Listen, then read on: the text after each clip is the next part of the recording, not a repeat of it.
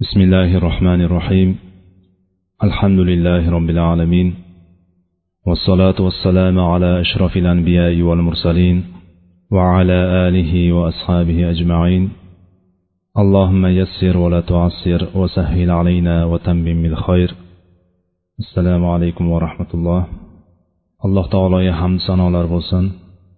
Payg'ambarimiz sollallohu alayhi vasallamga saloti durudlar bo'lsin. Allohning bizga bergan ne'matlari cheksiz son sanoqsizdir mana shu ne'matlardan biri alloh taolo bizga mana shu kungacha yashatib bu kunlar nasib qilgani va mana shu yig'ilishimizda mana shu o'tirishimizda bir o'rtaga bir oraga jamlab turganlaridir. Bugun inshaalloh zulhijja oyini birinchi kuni boshlandi. Bu kunlar avvalgi o'n kunlari va o'n kundan o'ninchi kunida hayit ya'ni qurbon hayiti va undan keyin uch kuni ham qurbon hayitini bayram kunlari hisoblanadi. Mana bu kunlar yil o'n ikki oyda eng ulug' kunlar hisoblanadi. Eng ulug' kunlariki hattoki ramazonni ramazon oyini kunlaridan ham afzal bo'lgan kunlar hisoblanadi. Ulamolarni ittifoqi bilan hadis va oyatlarni dalolati bilan. Ya'ni yil o'n ikki oyda eng afzal kunlari mana shu zulhijjani avvalgi o'n kuni hisoblanadi. Kechalarning eng afzali esa ramazonning oxirgi o'n kechasi hisoblanadi. Shuning uchun ulamolar boyagi fajr surasida kelgan val fajr va layalin ashr deganda fajr vaqtiga alloh taolo qasam ichib turib davomida yana o'n kechaga qasam deb turib aytgan layalin ashrni ulamolar ixtilof qilishgan. Ba'zilar shu ramazonni kechalari deydigan bo'lsa ba'zilar mana shu o'n zulhijjani o'n kunidagi kechalar va o'n kun kecha kunduzi hisoblanadi deb turib aytishgan. Ya'ni alloh taolo bir narsaga qasam ichmaydi. Magaram o'sha narsani qadri ulug' sharafli bo'lgan narsaga qasam ichadi bu faqatgina alloh taologa xosdir.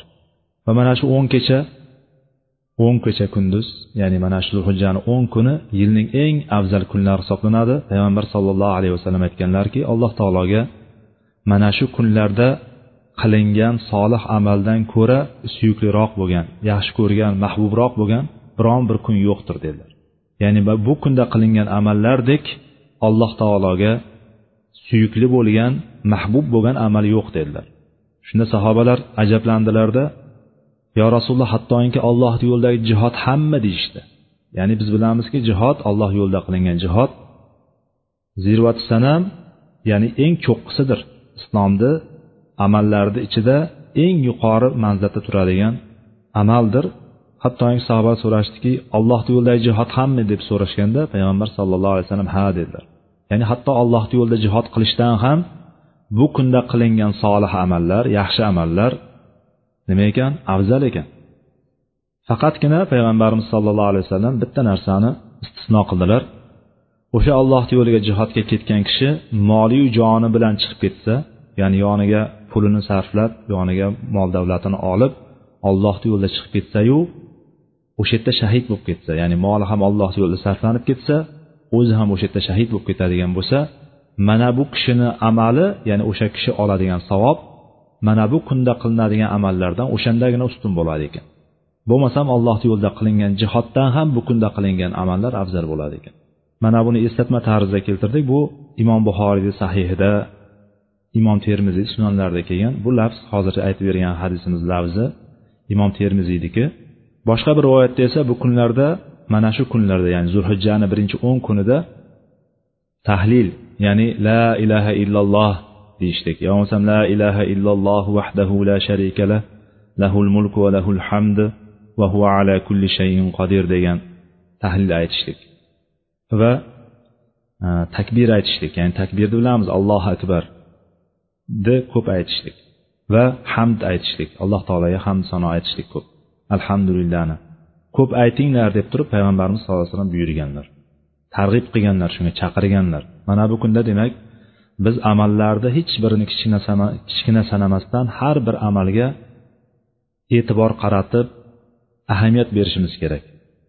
Ertalabki tongi ertalabki kechqurungi ya'ni kech bo'lgandagi aytiladigan duolar bo'lsin kun davomida qilinadigan zikrlar bo'lsin yoki hozir kelayotganday la ilaha illallohni hammamizga yengil la ilaha illalloh deyishlik misol yoki takbir aytib yurishlik yoki alhamdulillah deb yurishlik yoki hammasini bir o'rtaga jamlagan subhanallohi valhamdulillahi va la ilaha illalloh vallohu akbar deb aytib yurishlik. Payg'ambarimiz sollallohu alayhi vasallamdan kelgan zikrlar bu. Yoki qiyomat kunida masalan inson tiliga yengil bo'lgan tarozida og'ir bo'lgan qiyomat kunidagi tarozida va rahmon taologa suyukli bo'lgan ikki kalima bor subhanalloh va bihamdihi va subhanallohil azim deganlar. Mana bularni ko'paytirishlik va zikrlarda eng ulug' bo'lgan va eng savoblisi bo'lgan qur'on tilovati bor. Mana bu qur'on tilovatlarini nafl ibodatlarni nafl namozlarni bu kunlarda amallarni eng afzallaridan bo'lgan ro'zalarni tutishlik va arafa kunida xossatan ta'kidlangan ro'za bor. Arafa kunidagi ro'za ikki yillik gunohlarga kafforat bo'ladi. Ya'ni o'tgan yilgi va kelajak yildagi gunohlarga kafforat bo'ladi deganlar payg'ambar sallallohu alayhi vasallam mana bu narsalarga e'tibor berishligimiz albatta biz musulmonlarga ya'ni ertaga alloh huzuriga borganimizda savoblarni ko'proq qilib borgan holatda allohni rahmatini umid qilgan holatda borishligimiz albatta munosib ishdir. Alloh taolo bu kunlarda qiladigan ibodatlarimizni qabul qilsin va alloh taoloni alloh taolo bizni eng yaxshi amallarni eng solih amallarni qilishlikka alloh taolo muvaffaq qilsin. Ho'p biz riyoz solihindan qilayotgan darslarimizni davom ettiramiz. Riyoz solihinda biz taqvo bobida taqvo haqidagi bobda davom etayotgandik va o'tgan safar bu bobdagi kelgan oyatlar bilan tanishib chiqqandik bugundan boshlab inshaalloh bu bobga tegishli bo'lgan hadislarni o'qiymiz yetmishinchi hadisga kelib to'xtagan ekanmiz yetmishinchi hadisda ya'ni bu bu bobni birinchi hadisi bismillahi rohmanir rohim an abi hurayrata roziyallohu anhu qol قيل يا رسول الله من أكرم الناس abu hurayra roziyallohu anhu rivoyat qilib aytadilarki payg'ambar sollallohu alayhi vasallamdan insonlarni eng hurmatga loyig'i eng sharaflisi kim? deb so'radi so'raldilar payg'ambar sallallohu alayhi vasallam. Payg'ambarimiz aytdilarki atqohum dedilar. Ularni ichida eng taqvodorrog'i allohdan eng ko'p qo'rquvchirog'i deb turib javob berdilar. Faqolu odamlar yana savolni davom etdilar. Laysa an hada nasaluka. Yo rasululloh biz buni so'ramadik sizdan. Ya'ni bizni bergan savolimiz bu haqda emas edi deb so'radilar. Shunda payg'ambarimiz sollallohu alayhi vasallam aytdilarki fa yusufu nabiyulloh ibnu nabiyillah ibn nabiyillah ibn xolilillah deb javob berdilar. Ha unday bo'ladigan bo'lsa yusufdir dedilar. Ya'ni odamlarni ichida eng sharafli bo'lgani eng hurmatlirog'i bo'lgani eng mukarram bo'lgani yusuf dedilar. Chunki u nabiyulloh dedilar. Allohni payg'ambari va payg'ambarni o'g'li va payg'ambarni o'g'li va halilni o'g'li deb aytdilar. Ya'ni bu degani eng katta bobosi ibrohim alayhissalom bo'lyapti. Halilulloh ibrohim alayhissalom. Undan keyin ishoq alayhissalom uning o'g'li ishoq alayhissalom uning o'g'li yaqub alayhissalomni o'g'li allohning payg'ambari yusufdir deb javob berdilar payg'ambar sallallohu alayhi vasallam. Sahobalar yana so'rashdiki qolu laysa an hada nasaluka? dedi. Yo rasululloh buni ham so'ramadik biz deyishdi. Shunda payg'ambar sollallohu alayhi vasallam fa an maadinil arab tasaluni? dedilar. Ya'ni sizlar bo'lmasam arablarni qabilalari haqida arablarni nasl nasablari arablarni ichida kim hurmatliroq kim sharafliroq ekan so'rayapsizlar shekilli. Dedilarda unday buni shuni so'rayotgan bo'lsalaring xiyaruhum fil jahiliya xiyaruhum fil islam ida faquhu dedilar muttafaqun alayhi hadis. Ya'ni ularni ichida o'sha arablarni qabilalari arablarni nasl nasablari jihatidan asllari jihatidan ichida eng sharafli bo'lganlari eng hurmatliroq bo'lganlari johiliyatda yaxshi bo'lganlari ham johiliyatda yaxshi bo'lganlari islomda yaxshi bo'lganlaridir. Modomiki agar faquhu agar ular dinni tushunsalar dinni din ahkomlarini bilsalar deb turib payg'ambar sollallohu alayhi vasallam marhamat qildilar. Muttafaqun alayhi hadis.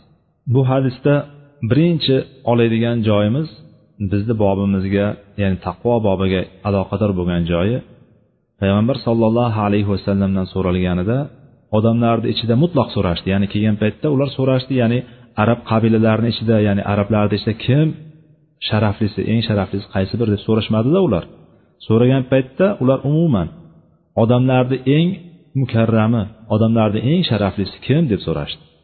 Payg'ambarimiz ham nima deb javob berdilar? Umumiy qilib javob berdilar. Umumiy qilib javob berganda insonlarni ichida bizni ollohni huzurida hurmatga loyiq qiladigan narsa. Alloh huzurida sharafga loyiq qiladigan narsa. Payg'ambarimizni aytganlaridek atqohum. Ularni ichida allohga taqvo qilganlari dedilar. Ya'ni ularni ichida allohga taqvoliroq bo'lganlar ya'ni ko'proq taqvo qilganlari deb turib javob berdilar. Bu ayni oyatni shunday bosh payg'ambarimiz sollallohu alayhi vasallamni tillaridan chiqqan sharhidek kelyapti. Ya'ni oyatda alloh taolo aytadiki inna akromakum indallohi atqokum deydi. Hujurot surasi o'n uchinchi oyatida. Ya'ni sizlarni iching albatta sizlarni ishlaringizda ollohni nazdida eng hurmatlirog'ingiz taqvodorrog'ingizdir degan alloh taolo.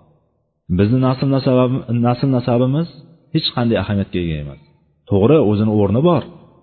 Nasab nasab nasl nasabiga qaraladi nasl nasabni o'ziga yarasha o'rni bor. Mana oxirida kelgan paytda nasl nasablar haqida so'rayapsizlarmi hali? Qabilalar haqida so'rayapsizlarmi?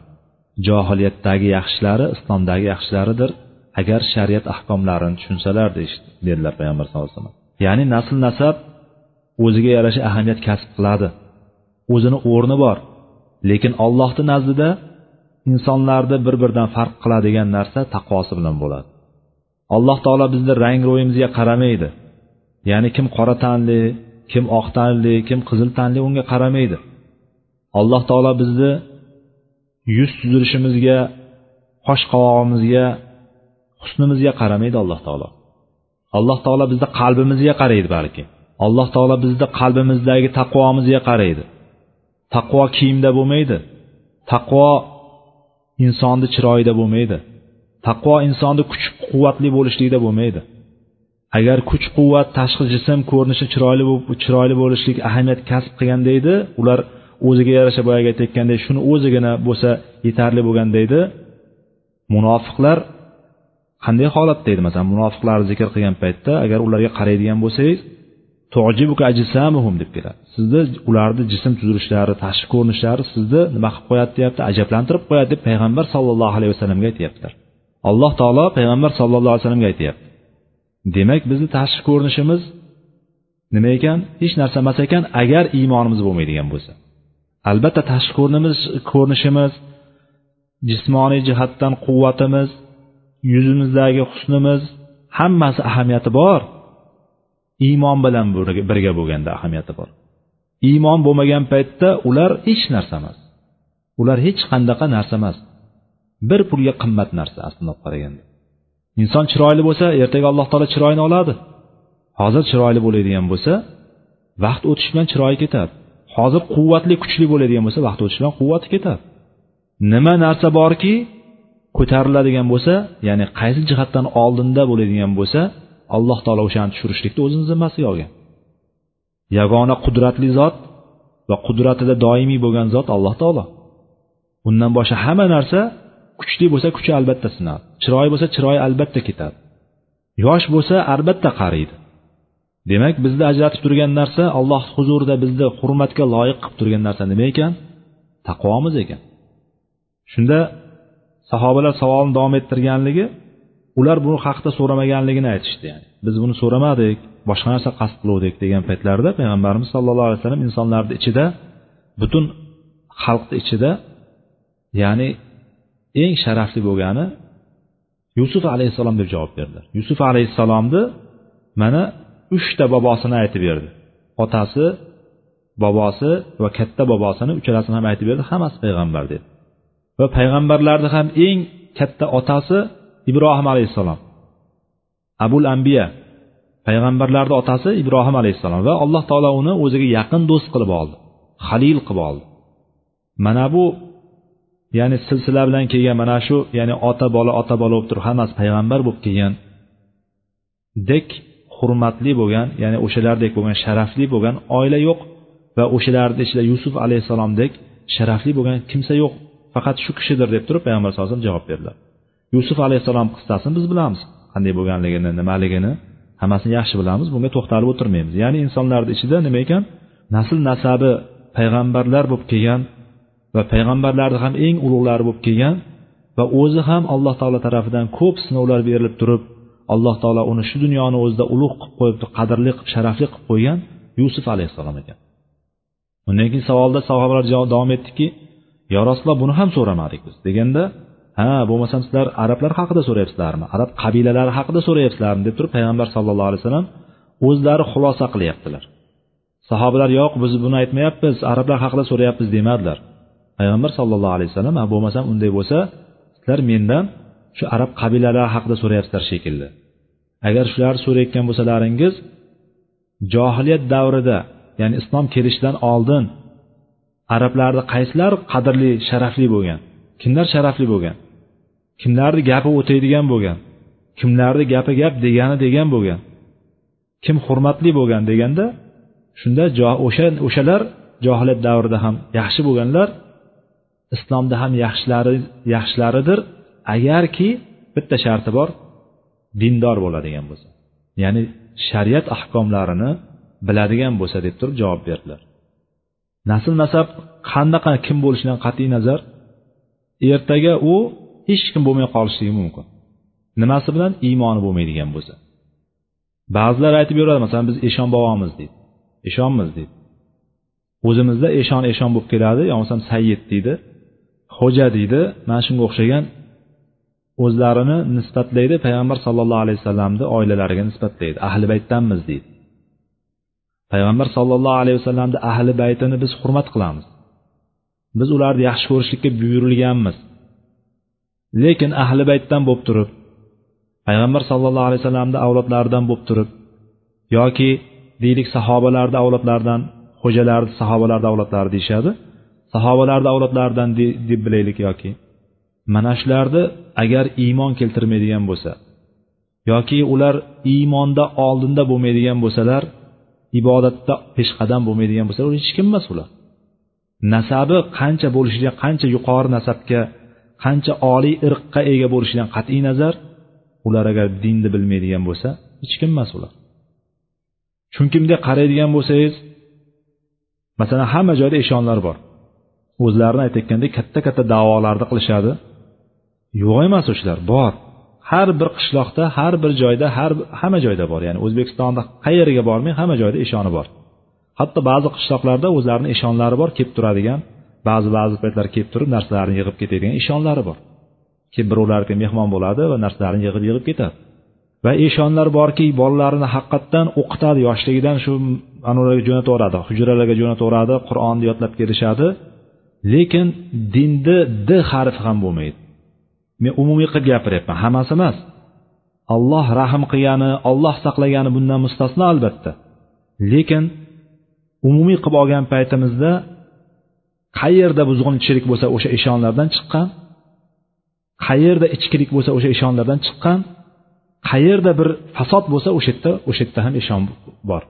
Ya'ni bular bu degani nasabi bor degani eshon degani yoki sayyid degani ularni insonlarni ichida hurmatli bo'lishligiga nima bo'lmaydi? Insonlarni huzurida balki ular hurmat qozonib yurgandir odamlarni aldashlik bilan odamlarga ko'rsatishlik bilan odamlarga ba'zi narsalarni qilib berishlik bilan balki. Ular nasabi bilan o'zlarini boshqalardan ustun qo'yib yurar lekin allohni nazdida hech kim emas u. Ular agar ollohni nazdida hurmatli bo'laman sharafli bo'laman deydigan bo'lsa dinni bilishlari shart. Din ahkomlarini bilsalar ana o'shanda ular ham nima bo'ladi ekan? Ular ham insonlarni yaxshisi bo'ladi o'shalar. Chunki nasabda insonlar boshqalardan ko'ra nasabda ustun turibdi. Dinda ham dinni biladigan bo'lsa dinda ustun bo'ladigan bo'lsa dinni yaxshi biladigan taqvodor bo'ladigan bo'lsa bular boshqalardan ko'ra sharafliroq bo'ladi. Haqiqatda hurmatli bo'ladi. Arablarni qabilalaridan bani hoshimni olaylik payg'ambar sallallohu alayhi vasallamni nasablari uni oladigan bo'lsak haqiqatdan o'sha paytda quraysh o'zi arablarni ichida quraysh qabilasi boshqalarga qaraganda ustun bo'lishgan. Uni ichida ham banu hoshim boshqalarga ko'ra ustun bo'lishgan. Lekin banu hoshimdan chiqqan qancha qancha odamlar bor. Ular hurmatli bo'ldimi? Yo'q hurmatli bo'lmadi. Hurmatli bo'lishlik uchun birinchidan iymoni bo'lishligi kerak va dinni bilishligi kerak. Ikkinchi hadisimiz bu bobni ikkinchi hadisi an abi said hudriy roziyallohu anhu عن النبي صلى الله عليه وسلم قال إن الدنيا حلوة خضرة وإن الله مستخلفكم فيها فينظر كيف تعملون فاتقوا الدنيا واتقوا النساء فإن أول فتنة بني إسرائيل كانت في النساء rohi muslim. Imom muslimni o'zlarini sahiylarida keltirgan hadis bu. Roviyimiz abu said al hudriy roziyallohu anhu payg'ambarimiz sollallohu alayhi vasallam aytdilarki dunyo mana shu dunyo hayoti insonga yoqimlidir shirindir. Ya'ni hulvatun degani o'zi tatib ko'riladigan shirin narsaga aytiladi. Ta'mi shirin bo'lgan va hadirotun yam yashil bo'lgan. Ya'ni insonni o'ziga jalb qiladigan ko'zini qamashtiradigan narsadir. Dunyo mana shunday. Dunyo mana shu narsadan boshqa narsa emas dunyo shirin va bizni ko'zimizni qamashtirib o'ziga jalb qiladigan narsadir. Va alloh taolo ya'ni qaranglarda bu dunyo biz dunyoni biz ustimizga chiqib qolishi bizni boshqarishlik emas dunyoga biz dunyoga biz qul bo'lishligimiz emas. Dunyoni alloh taolo sizlarni unda xalifa qildi dedi. Bizni alloh taolo xalifa qildi ya'ni xalifa qildi degani o'sha dunyoni qo'limizda boshqaradigan dunyoni tasarruf qiladigan qilib bizni qildi. Biz dunyoga qul bo'lishligimiz emas dunyo bizni bizni qo'limizda bo'lishligiga bizni xizmatimizda bo'lishligini qildi alloh taolo. Nima uchun? Alloh taolo bizga nima uchun ular e, dunyoni ustida bizni xalifa qildi? Kayfa ta'malun? Qanday amal qilishlaringizni ko'rishlik uchun. Shularni ustiga bizni bizni ustimizga bizni ya'ni shu dunyoga xalifa qilib qo'ydida qani qanday amal qiladi ekan? Alloh taolo bizni qaraydi shunga. Va davom etdilarki hadisda payg'ambar sallallohu alayhi vasallam shunday ekan ya'ni mana shu alloh taolo bizni dunyoga dunyoni bizni bizga berib qo'yib turib qanday amal qilishligimizga qaraydimikan? Demak o'z uz o'zidan kelib chiqadiki mantiqan kelib chiqadiki dunya nisa. Shunday ekan dedilar dunyodan va ayollardan chetlaninglar. Ya'ni chetlaninglar saqlaninglar. Dunya nisa alohida alohida kalimani alohida kelishlikda ham bir hikmat bor. Payg'ambarimiz sallallohu alayhi vasallam jomil kalim u kishiga kalimalarni jamlab beruvchi ilm hikmat berilgandiki fe'l alohida ishlatildi. Dunyodan ehtiyot bo'linglar ya'ni dunyodan taqvo qilinglar va ayollardan taqvo qilinglar dedilar. Yoki tarjimani biroz ittaqu kalimasini taqvo kalimasini sal o'zgartiradigan bo'lsak ma'nosini boshqa sinonim qo'llaydigan bo'lsak dunyodan ehtiyot bo'linglar va ayollardan ehtiyot bo'linglar. Yoki dunyodan chetlaninglar va ayollardan chetlaninglar. Degan tarjimani berishimiz mumkin. Yoki dunyodan o'zlaringni himoya qilinglar va ayollardan o'zlaringni himoya qilinglar. Bu taqvo kalimasini inson o'zini xuddi bir e, qo'rg'on qilib olganday saqlashlik deb turib o'tadiga boshida xuddi shunday dunyodan o'zlaringni saqlanglar va ayollardan o'zlaringni saqlanglar himoya qilinglar. Chunki sababi nima ekan? Fa inna avvala fitnati bani isroila kanat finnisa bani isroilni fitnasining avvali ya'ni fitna bani isroil fitnalanib botib ketgan. O'sha fitna botqog'iga botib adashib zalolatga ketib qoldi. O'sha fitnani bani isroilni fitnasining avvali kanat finnisa ayollarda bo'lgandi deyapti. Ayollar fitnasi bilan boshlangan ular fitnasi.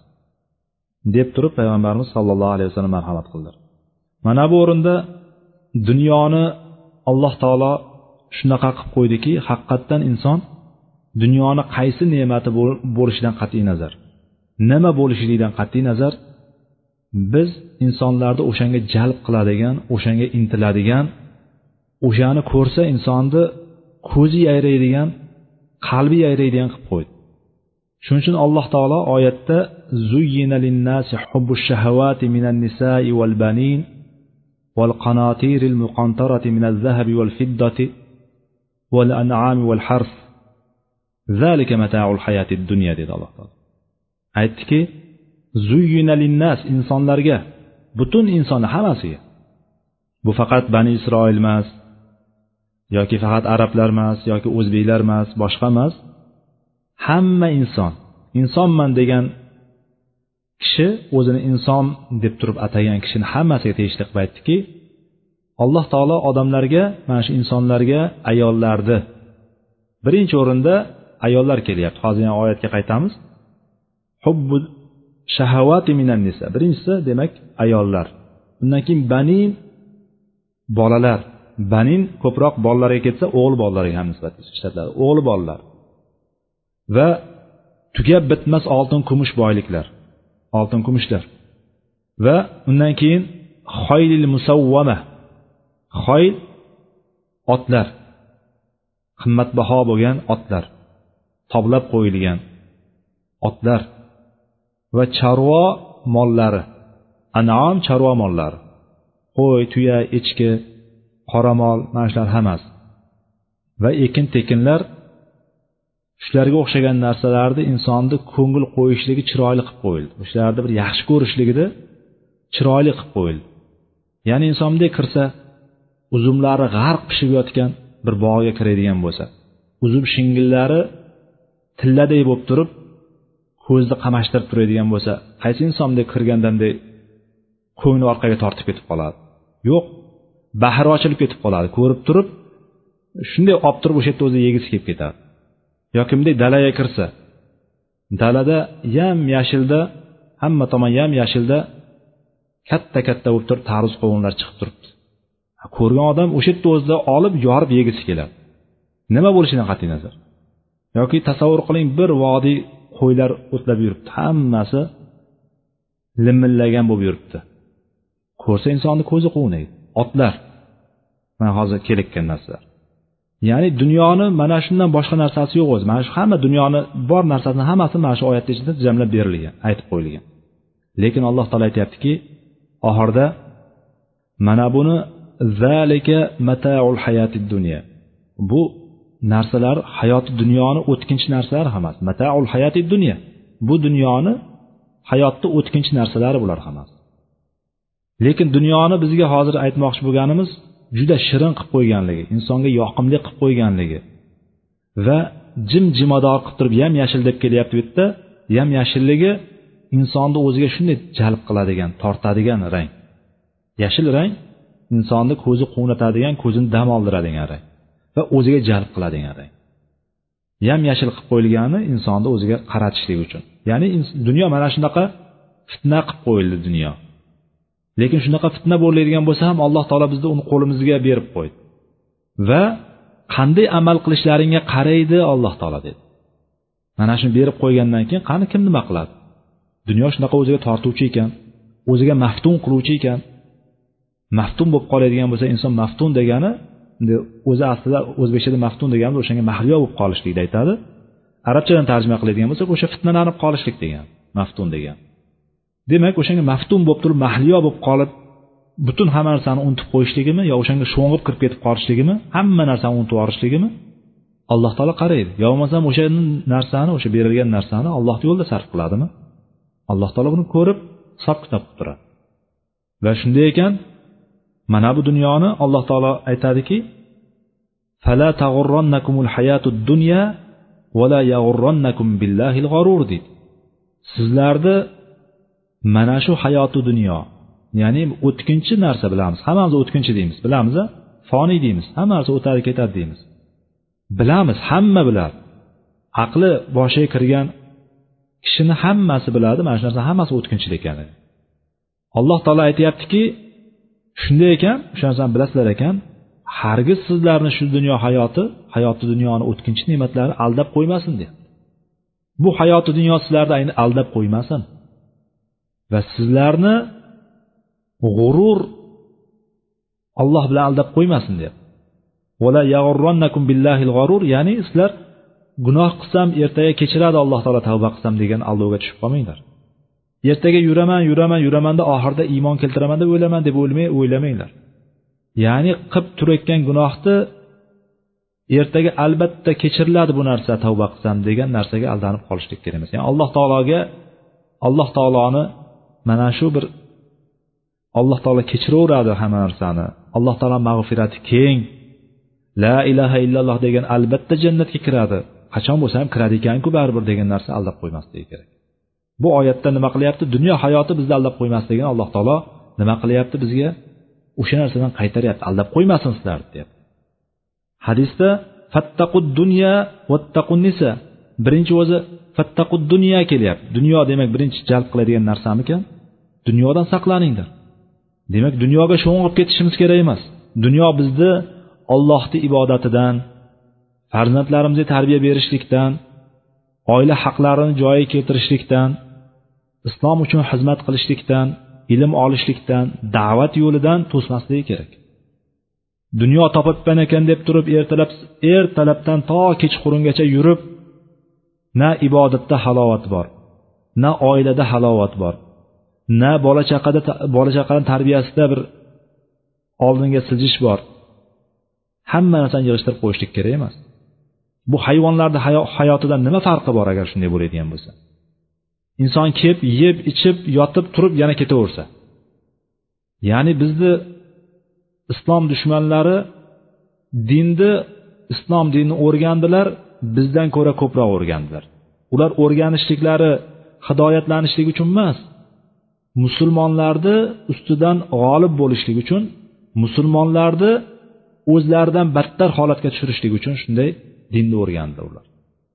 Demak ular dinni o'rganganda eng ko'p fitnalantiradigan eng ko'p insonni o'ziga jalb qiladigan va o'zini domiga tortib ketib qolib turib hamma narsani tashlab qo'yadigan narsa dunyo ekanligini juda yaxshi bildida xossatan musulmon davlatlarini ustida katta katta ishlar olib bordi. Katta katta ishlar olib borganligi insonlarni faqat pul topishdan boshqa narsaga boshqa narsani o'ylamaydigan tirikchiligim o'tsin tirikchiligim o'tyaptiku amallab turibmanku deb turib shu bir burda non topishlik uchun ertalabdan kechgacha ishlaydigan ertalabdan kechgacha itday yuradigan qilib qo'ydi. Itday sarson bo'lib yuradigan eshakday ishlaydigan qilib qo'ydi. Endi inson ertalab chiqib ketsa kun bo'yi og'ir og'ir ishlarni qilsa og'ir ishni qilmagan taqdirda ham inson ertadan kechgacha oyoqda tikka turib yurishligini o'zi insonni charchab hech narsaga yaramay qolishligi yetarli narsa o'zi aslida. Ertadan kechgacha ishlaydi. Kechga tomon go'yoki emaklagan holatda kirib keladi. Emaklab kirmaydi tabir qilib aytyapmiz biz.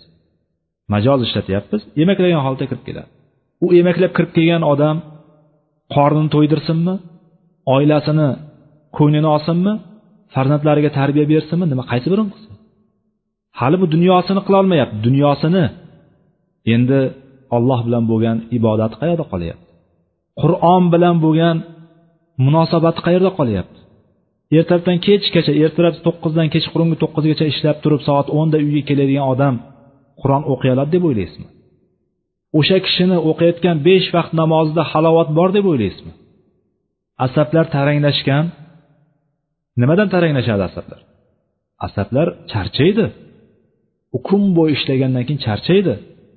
Bo'p ham u ishni xursandchilik bilan qilmayotgan bo'lsa. Inson o'ziga yoqadigan bir ishni qilsa charchamaydi inson. O'tiraverishligi mumkin soatlab o'tirishligi mumkin kunlab o'tirishligi mumkin. Undan charchamaydi. Lekin faqatgina shu pul topishlik uchun ishlab turilgan ishlarni aksariyatida insonlar mamnun emas. Nimaga? Pul bo'lmasa o'sha yerda bir daqiqa ham qolmaydi o'sha yerda. Agar o'sha oylik bermaydigan bo'lsa maoshini bermaydigan bo'lsa bir daqiqa ham qolmaydi o'sha yerda. Endi o'sha yoqtirmay turgan narsani majburlikdan qilinayotgan mana shuncha ishni asablar charchaydi jismonan charchaydi ana undan keyin na ibodatda halovat qoladi na oilada halovat qoladi ya'ni oilani bir mazasi qoladi ya'ni oilada na tinchlik bo'ladi na boshqa bo'ladi. Agar ko'rpa sirlari deymiz ko'rpa sirlari ayollar va erkak o'rtasidagi munosabatlar agar yaxshi bo'lmaydigan bo'lsa oila hech qachon tinch bo'lmaydi. Bu narsani qisqa hayotimizdagi tajribalardan ham ko'rdik va bu narsa aniq narsa. Oiladagi eng katta muammolarni kelib chiqadigan birinchi sababi mana shu to'shak bo'ladi. Erini uradigan bo'lishligi yoki so'kadigan bo'lishligi tili yomon bo'lishligi dilozor bo'lishligi o'zini yo'liga lekin bular unutilib ketadi. Ammo to'shakda ko'rpa sirlarida boyagi aytayotganimizdek er xotin o'rtasidagi munosabatlar joyida bo'lmaydigan bo'lsa eri har qancha muloyim bo'lsin har qancha pulini tovib kelsin boshqa bo'lsin lekin oila nima bo'lmaydi? Oila totuv bo'lmaydi. Mana shuning uchun ya'ni insonlar bular islom dushmanlari islomni shunaqa o'rgandiki o'rganganidan bizni mana shunday botirib tashladi. Ko'p ishlab oz oylik oladigan zo'rg'a kunimizni ko'radigan yaxshiroq topaman deydigan bo'lsak ko'proq ishlaydigan soatlari ko'p bo'lgan ishlarni qilib hamma musulmon davlatlariga bunday nazar soladigan bo'lsangiz aksariyatida mana shunaqa qiyinchilik iqtisodiy qiyinchiliklar qilib tashladiki insonlarni dunyo bilan ovora bo'lib qolsin. Birinchidan. Ana undan keyin ikkinchidan sal kenglik bo'lib qoladigan bo'lsa o'sha qiyinchilikdan chiqib kelayotganlar qiynalib turganlar sal kenglik bo'lib qoladigan bo'lsa butunlay dunyoga sho'ng'ib ketib qolyapti endi. O'zi yetarlicha millioner bunday olib qaraydigan bo'lsangiz. U yuqorida ham hadislarda o'tuvdik bir vodiysi bo'lgan bir vodiy oltini bo'lgan kishi yana bir vodiy bo'lishligini orzu qiladi deydi yana bir vodiy bo'lishligini yaxshi ko'rib turadi. Ya'ni dunyoga bir so'm puli bor odamdan ko'ra ikki so'm puli bor odam dunyoga qattiqroq berilgan bo'ladi. Dunyoga qattiqroq kirishgan bo'ladi o'sha kishi. Odamlarda yetarli qo'lda pul bor. Bu hali buyoqdagi dindan xabari yo'q odamlar haqida gapirmayapmiz biz. Dindan xabari bo'lgan islomdan xabari bo'lgan kishilar haqida gapiryapmiz. O'zi millioner lekin yana ertadan kechgacha tinmaydi o'sha. Shu yana ustiga pulni qo'shishlik yana o'shani ko'paytirishlik yana shu ko'paytirish ko'paytirish ya'ni dunyo o'zini shunday domiga tortib ketib qolgan bo'ladi. Dunyoga shunaqa sho'ng'ib kirib ketib qolganki mashina ustiga mashina eng oxirgi markalarini olgan kiyimlarni ham alohida bir kishiga uchun bitta fabrika ishlab turib tikadigan kiyimlarni ellik oltmish dollarga olinadigan kiyimlarni besh ming olti ming dollarga olib kiyadiganlar bular musulmonlar qilyapti shuni. Nimadan? Dunyo o'zini domiga tortib ketganligidan yoqimli va shirin ko'ringanligidan jalb qiluvchi o'ziga tortuvchi bo'lganligidan. Ne'matni ko'rsatish kerak deb turib dang'illama uylarni qurib qo'yib turib o'ttiz qirq xona uyni qurib qo'yib turib hech kim foydalanmaslik nima keragi bor ertaga uni har birini javobi bor. Bu narsani nima qilyapti? Payg'ambar sollallohu alayhi vasallam qaytaryaptilarki dunyodan ehtiyot bo'linglar. Dunyodan uzoq turinglar. Dunyodan taqvo qilinglar deb turib payg'ambar sallallohu alayhi vasallam aytyaptilar. Lekin dunyodan taqvo qilishlik degani kishi ishlamasligi kerak deganimi? Yo'q. Ishlasin tirikchiligini topsin tirikchilik qilsinki birovga muhtoj bo'lmasin u. Kasb qilsin. Kasbni ham yaxshi qilsin. Puxta o'rgansin bitta narsani. Qilgan ishini oxirigacha mukammal qilishni o'rgansin. Har bir narsani ustasi bo'lsin doktor bo'lsin o'qituvchi bo'lsin nima bo'ladigan taqdirda ham o'shani oldida bo'lsin. Orqada har kim o'tsa yoqqa bir tepib o'tadigan kim bo'lsa bu yoqqa bir o'tsa turtib o'tadigan bo'lishi kerak emas. Ishlaganda ham bir ishni puxta qilishlikka o'rganishlik kerak. O'shani orqasidan kasb qilib turib tirikchilik qilish kerak bu pulni topishlik bu maoshni topishlik dunyoga sho'ng'ib ketishlik degani emas. O'sha topishlik shu dunyoda bizga bo'ynimizga tushgan tirikchiligimizni qilishlik farzandlarimizni o'qitib kiyintirishligimiz nafaqasini berishligimiz o'zimiz qalbimiz xotirjam bo'lishligi ishlab pulimiz joyida bo'lib tursa iqtisodimiz yo'lda bo'lib turadigan bo'lsa keyin kallamiz boshqa narsaga ishlab boshlaydi. Shuning uchun payg'ambar sallallohu alayhi vasallam faqirlikdan panoh so'raganlar. Kufrdan keyin faqirlikdan panoh so'raganlar payg'ambar sallallohu alayhi vasallam. Ya'ni inson har qancha muhtojlashib ketadigan bo'lsa har qancha boyagi qanchalik ko'p kambag'al bo'lib turib qanchalik nochorlashib ketadigan bo'lsa u shunchalik nonko'r bo'lib boraveradi inson. Ya'ni kufrga yaqin joyga borib qoladi inson. Odamlarga faqat ta'ma bilan qaraydigan bo'lib qoladi inson. Oilada na huzur halovat bor.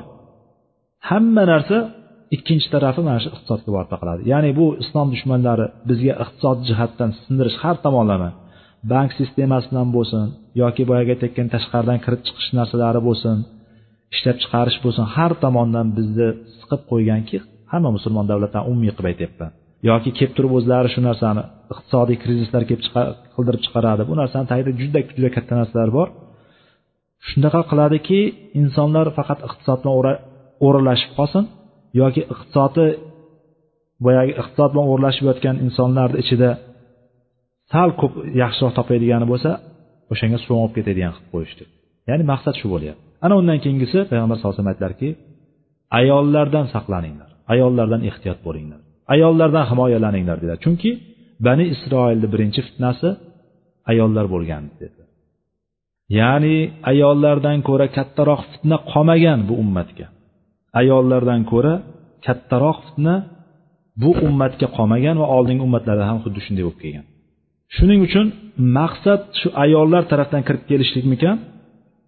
Shu narsani uddasidan chiqyapti. Feminizm deydi.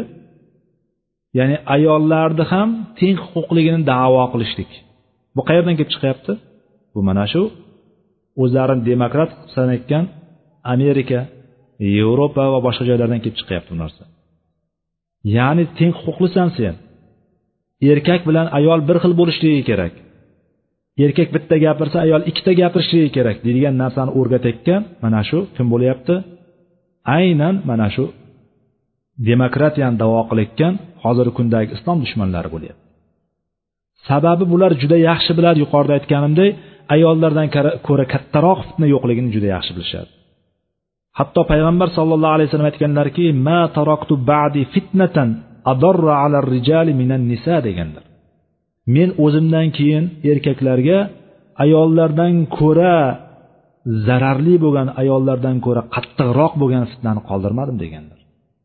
Hamma tomon fitna. Insonlarni buzilishiga olib kelayotgan narsa nima? O'sha teng huquqliman deb turib birga ishlashlikni davo qilayotgan bitta xonada sekretar bilan o'tiradigan musulmonlardan masalan nima kutish mumkin? Bitta xonada nomahram bo'lgan sekretar bilan birga o'tirishligi. Majbur qilib qo'ygan. Ha nima? Yo'q men bilan ishlamaydiman deydimi ishi ishsiz qoladi bu. Ayollarni ishga jalb qilinishligini bilan ayollar ham ishlashligi kerak ular. Deb turishlik bilan birinchi o'rinda nima bo'lyapti? Oila buzilyapti. Oila qanday buzilyapti? Ayol uyda oilali ayolligini qilmaydigan bo'lsa ha? Ayol kishi qo'lida pul topib o'zi bir ishlab charchab keladi u ham. Asablar charchamay kim charchaydi? Yo ayollar temirmi? Temir emas ayollar. Ayolni qirqta joni bor deydi bekor aytibdi. Tagida jon bor o'shani tagida lekin bu o'rinlarga qo'llaniladigan gap emas bu. Erkakki aqlan quvvatda jismonan quvvatda nervlari jihatidan ta'sirlanuvchalik jihatidan quvvatda yetarlicha kuchga ega bo'lgan ayollardan ustun bo'lgan erkaklarki ertadan kechgacha ishlagan paytda asablari taranglashib ketadigan bo'lsa ayollar endi ertadan kechgacha ishlasinda uyga kelib turib bolasiga boqsin bolasiga qarasin ovqatini qilsin va erini kutib olsin. Qani? Kimga yoqadi bu narsa? Sizlarga yoqadimi yoki shu narsa? Ertadan kechgacha ishlanglarda erkaklardan bab baravar mayli endi boyagi aytayotgan dalaga chiqib ketmon chopish haqida gapirilmayapti. Hozirgi aytayotganda ofisda borib turib o'tirib ishlab kelgandan ertadan kechgacha ishlab kelgan odam kechga uyga kelib turib xotinlik qilishga yaraydimi? Savol berib ko'ring uyga kelib turib bolasi bilan shug'ullanishlikka bolasini darslarini qildirishlikka qur'onini yodlatishga maktabini darslarini tekshirishga vaqt qoladimi? Ayol kishini vazifasi nima o'zi? Birinchi tarbiya onadan olinadi. Birinchi tarbiya bolani birinchi tarbiyasi ya'ni birinchi deganim to balog'atga yetguncha bo'lgan davr o'n yoshgacha bo'lgan eng davrni kattasida ona sababchi bo'ladi bolaga. Ona ko'chada birovlarga yaxshilik qilishligi yoki birovlar bilan ishlab pul topishligi emas. Ayol kishi uyda o'tiribdi bolalar tarbiyasi bilan shug'ullanishligi kerak bo'ladi. Hamma narsani o'zini o'rni bor. Ya'ni ayollarni mana shunday aralashtirib tashlashligi bilan birinchi o'rinda. Ular teng huquqli ular ishlashligi kerak har qanday ishda ishlanishligi kerak unaqa qilish kerak bunaqa qilishlik kerak deb davolarni olib kirib olib kirib olib kirib nima qildi? Aralashtirib yubordi. Endi aralashtirib yuborishligi bilan oldin o'nta erkak ishlab turgan bo'lsa deylik a o'nta erkak ishlab turgan bo'lsa hozir shuni beshtasini yoki to'rttasini ayol egallagan bo'lsa qolgan to'rtta beshta erkak qayerqa ketadi keyin ishsiz qoladi nima bo'ladi? Ishsizlik qayerdan kelib chiqyapti? Iqtisodiy krizis qayerdan kelib chiqyapti? Erkaklarni sarson bo'lib turib boshqa davlatlarda mardikorlik qilib yurishligi birovlarni tualetlarini boyagi aytayotganday muassasalarda borib turib yosh bolalarni yo bo'lmasam bir qayoqdagi kofirlarni mushriklarni orqasini tozalab yurishligi kirgan joyidan keyin orqasini tozalab yuradigan ishlarni qilib yurishligi. Nimaga majbur nima majbur qilyapti bu narsaga? Mana shu ishsizlik majbur qilyapti. Agar ayollar o'zini haddini bilib o'zini huquqini bilib turib uylarida erini molini himoya qilgan holatda farzandlariga tarbiyani bergan holatda erini rozi qilgan holatda o'tirsa olam guliston edi ya'ni qarz ikki qo'ldan chiqadi deymiz a bitta qo'lingizni havoga aylantirib ko'ring har qancha aylantirib ko'ring. Qars degan tovush chiqadimi? Qarsak chiqadimi? Chiqmaydi. Ikkita qo'lingizni ikki tarafga qilasizki ikki tarafdan olib kelib turib urasiz ana o'shanda qars degan tovush chiqadi. Ya'ni bu narsa o'z o'zidan kelib chiqqani yo'q hozir bugun shakllanib qolgani yo'q. Bunlar yillar davomida yuz yillar kerak bo'lsa buni ustida ishlanib ishlanib ishlanib ishlanib bugungi holatimiz kelib chiqdi. Bugungi holatimizdan biz qanday qutulamiz? Bugungi holatimizdan biz agar dinga qaytadigan bo'lsak qutulamiz ayol kishiga ida sollatil mar'atu xomsaha hadis keladi.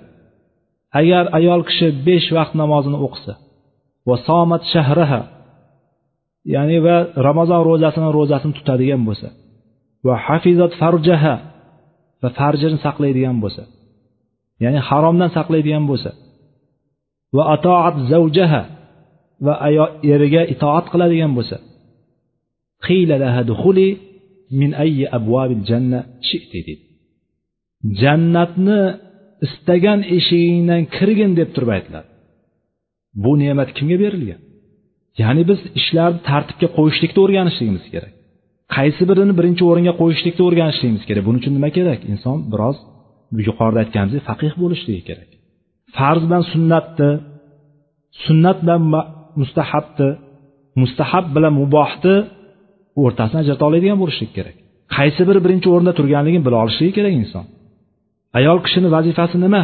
degan savolga birinchi javob berishlik kerak. Erkak kishini vazifasi nima? degan savolga javob berish kerak har kim. O'rganish kerak bilmasa. Ayol kishidan nima talab qilinyapti? Mana shu hadisda. Qani? Javob beringlarchi ayol kishidan nima talab qilinyapti? Jannatni xohlagan eshigidan kirsin deganda nima talab qilinyapti? Besh vaqt namoz ramazon ro'zasi va eriga itoat. Endi uni ustiga boshqa narsalarni qo'shuvchilar tartibga qo'yishlik kerak. Mana bu narsalardan keyingi o'ringa qo'yishlik kerak undan keyingi narsalar. Mana bu narsalardan keyingi o'ringa qo'yadiki ana o'shanda nima bo'ladi? Tartibga qo'yayotgan paytda qo'yadi ana o'shanda bo'ladi. A buyoqda inson hozirgi misollarni olamiz misol. Sal keyinroq qilib aytaman bu narsani. Masalan ayol kishi. Deydiki men ishlashim kerak deydi. Ishlamasam bo'lmaydi men sen bilan teng huquqliman deydi. Teng huquqli bo'ladida nima qiladi? Borgan joyida namozini o'qiy olmaydi mayli namozini ham o'qisin. Endi ro'zasini tutish kerak. Ro'zasini tutsin bo'pti. Ana undan keyin eriga itoat qila oladimi aytganidek ayol kishini eng buyuk vazifasi bo'lgan eng katta vazifasi bo'lgan farzand tarbiyasi. Farzand tarbiyasi bilan bitta bitta o'tirib shug'ullana oladimi yo'qmi? Agar ishlashni davo qilayotgan bo'lsa. Bir shunday holat bo'lib qoldiki bir kishi qur'on yodlaydida bir ayol. Birodar bir ayol qur'on yodlaydi. Qur'on yodlaydida na erini ovqatini tayini bor na bolalarini kiyim kechagini tayini bor yani. hamma narsani tashlab qo'yib turib ha nimamish? Qur'on o'qiydimish va davo qilyaptiki eri eri ham xuddi shunaqa tushunchada eri aytyaptiki qilishligi kerak nima degani bu? Faqat shu bilan qozon tovoq bilan bola chaqa bilan ovora bo'lishlik nima degani deyapti. Aytdimki ho'p dedim. Erga itoat qilish vojibmi yo qur'on yodlash vojibmi deb savol berdim. U aytdiki qur'on yodlash vojib dedi. Mana shu yerda dedim xato qildingiz dedim. Qur'on yodlash yodlashlik mustahab amal birinchidan dedim. Qur'on yodlashlik mustahab katta katta ish aslida lekin aslida mustahab amal. Lekin erga itoat qilish nima? Erga itoat qilish vojib. O'sha yerda vojiblarni tartiblashlikda u nima qilyapti? Xato qilyapti. U men qur'on yodlayapman ekan deb turib yoki ilm olyapman men ilm olishim kerak deb ilm olyapman ekan deb turib farzand bilan ishi yo'q. Yoki eri bilan ishi yo'q. Vaholanki erini rozi qilsa jannatga xohlagan eshikdan kirsin deb turibman jannat e, hadisda aytilib turibdi. Erini rozi qilishlik yo'llari nima? Eri agar ma'siyatga buyurmaydigan har qanday ish bo'ladigan bo'lsa hammasini qilishlikka er, ayol kishini bo'yinda vojib narsa er nima desa o'sha narsani qilishlik vojib narsa. Ota onaga itoatsizlik qanday bo'ladi bizda? Ota onaga itoatsizlik islom dinida nima bo'ladi? Ota onaga itoatsizlik bu degani osiylik bo'ladi oq bo'lib qolishlikka olib keladi. Lekin qiz bola erga tekkandan keyin bu itoat erga ko'chib o'tadi. Ota bir narsani qilasan deydigan bo'lsa er qilmaysan deb bo'lsa erga itoat qiladi. Otani kuchi itoat qildirishlik kuchi qizida erga tekkandan keyin tushadi. Bu narsani bizga nima o'rgatadi? Islom o'rgatadi bu narsani. Mana bu narsalarni biz ayollarni aralashib yurishligi ayollarni hamma tarafda bo'lishligi degan ayollar teng huquqli degan narsalarni sen qilsang men ham qilamanda deydigan narsalar bu hammasi tashqaridan olib kirilganki ataylab dinni buzishlik odamlarni buzishlik uchun olib kirilgan tasavvur qiling erkak bilan ayol aralashib turgan joyda bitta joyda ishlasa har qancha taqvo qilaman degan erkak ham nima ko'zi tushmaydimi ayolga? Ayol kishiga ko'zi tushmaydi bitta joyda ishlasa ikkalasi ham. Ko'zi tushmaydimi? Tushadi ko'zi. Ko'zi tushganda inson o'shanga nisbatan hech narsa uyg'onmaydimi? Uyg'onishi mumkin. Bir ko'rganda bo'lmaydi ikki ko'rganda bo'lmaydi. Borib borib turib nima bo'ladi o'sha narsa hammasi fasodga aylanadi. Bu deganim bu narsalarni misol tariqasida keltirayotganim buni biz o'zimizni saqlab qiynalib yurganimizdan aytilyapti bu narsadan qiynalinadi hamma erkak qiynaladi.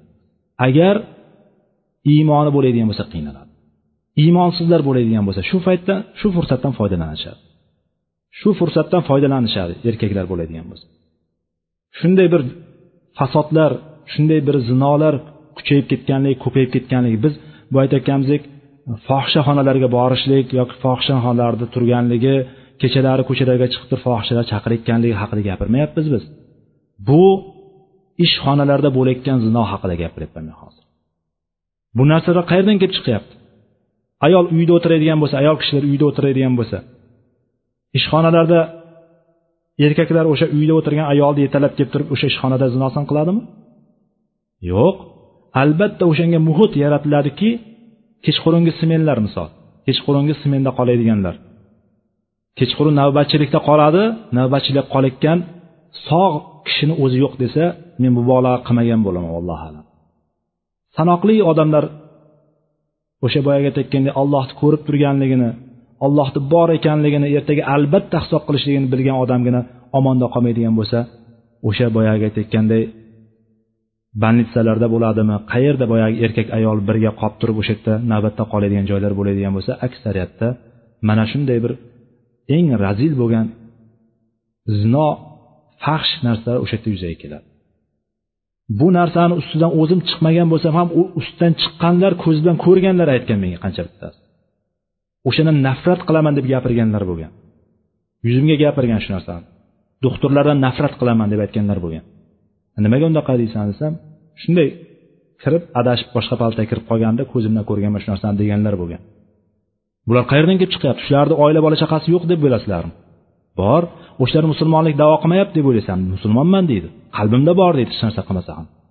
Lekin tashqarida turganlar hammasi musulmon deydi. Mana shu musulmonman deb yurishlikni va mana shunaqa buzg'unchilikka kirib borishligini fitnasi qayerda bo'lyapti? Ayollar bo'lyapti. Shunday ekan biz o'zimizni to'g'irlashimiz kerak o'zimizni isloh qilishimiz kerak. Farzandlarimizni shunaqa e'tiqodda shunaqa dunyoqarashda katta qilishimiz kerak. Bu dunyoqarash farzandlar ko'chadan olmaydi. Uydan olishligi kerak o'sha narsani. Uydan olishlik uchun nima? Siz ayollar nima qilishlaring kerak? O'sha narsaga qattiq kirishlaring kerak. O'sha narsaga qattiq e'tibor berishlaring kerak. Birinchi o'rinda o'zlaringni isloh qilishlaring kerak. O'zlaringni isloh qilmasdan turib farzandlarga qanday berasizlar? Ya'ni mana bu fitnalar biz mana bu fitnalarga ko'z yumib ketishligimiz kerak emas. Mana bu fitnalarni biz to'g'ri tushunishimiz kerak. To'g'ri xulosa chiqarishligimiz kerak shu fitnalardan. Bu narsalar borligi bor bu narsalarni hammasi. Ya'ni boyagi aytgan teng huquqlimiz undaqamiz undaqamiz deb turib inson o'zini huquqlarini topib olib u yoqdan bu yoqdan qilib turib nima qilishligi mumkin? Har narsani keltirishligi mumkin inson. Mana bu yerda bunaqa deyilgan ekan bu yerda bunaqa deyilgan ekan. Ilm olish farz ekan deyishi mumkin inson. Ayollar ham ilm olish farz deyishi mumkin lekin ilmni qaysi biri farz? Buni birinchi bilib olishlik kerak. Aqida ilmi farz umumiy tarzda bilishlik omma insonlarga. Misol fiqhni umumiy tarzda bilishlik farz.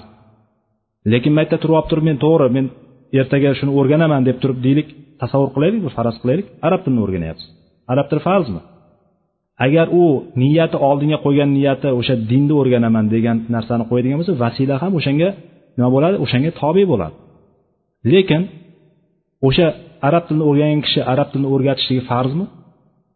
Bu savolga javob berishlik kerak. Ya'ni men ilm o'rganyapman degan narsada farzandlarni tashlab qo'yishlik yoki eriga vaqtida xizmatini qilolmaslik degan narsa bo'lmasligi kerak. Ayol kishi birinchi o'zini vazifasini qilishligi kerak.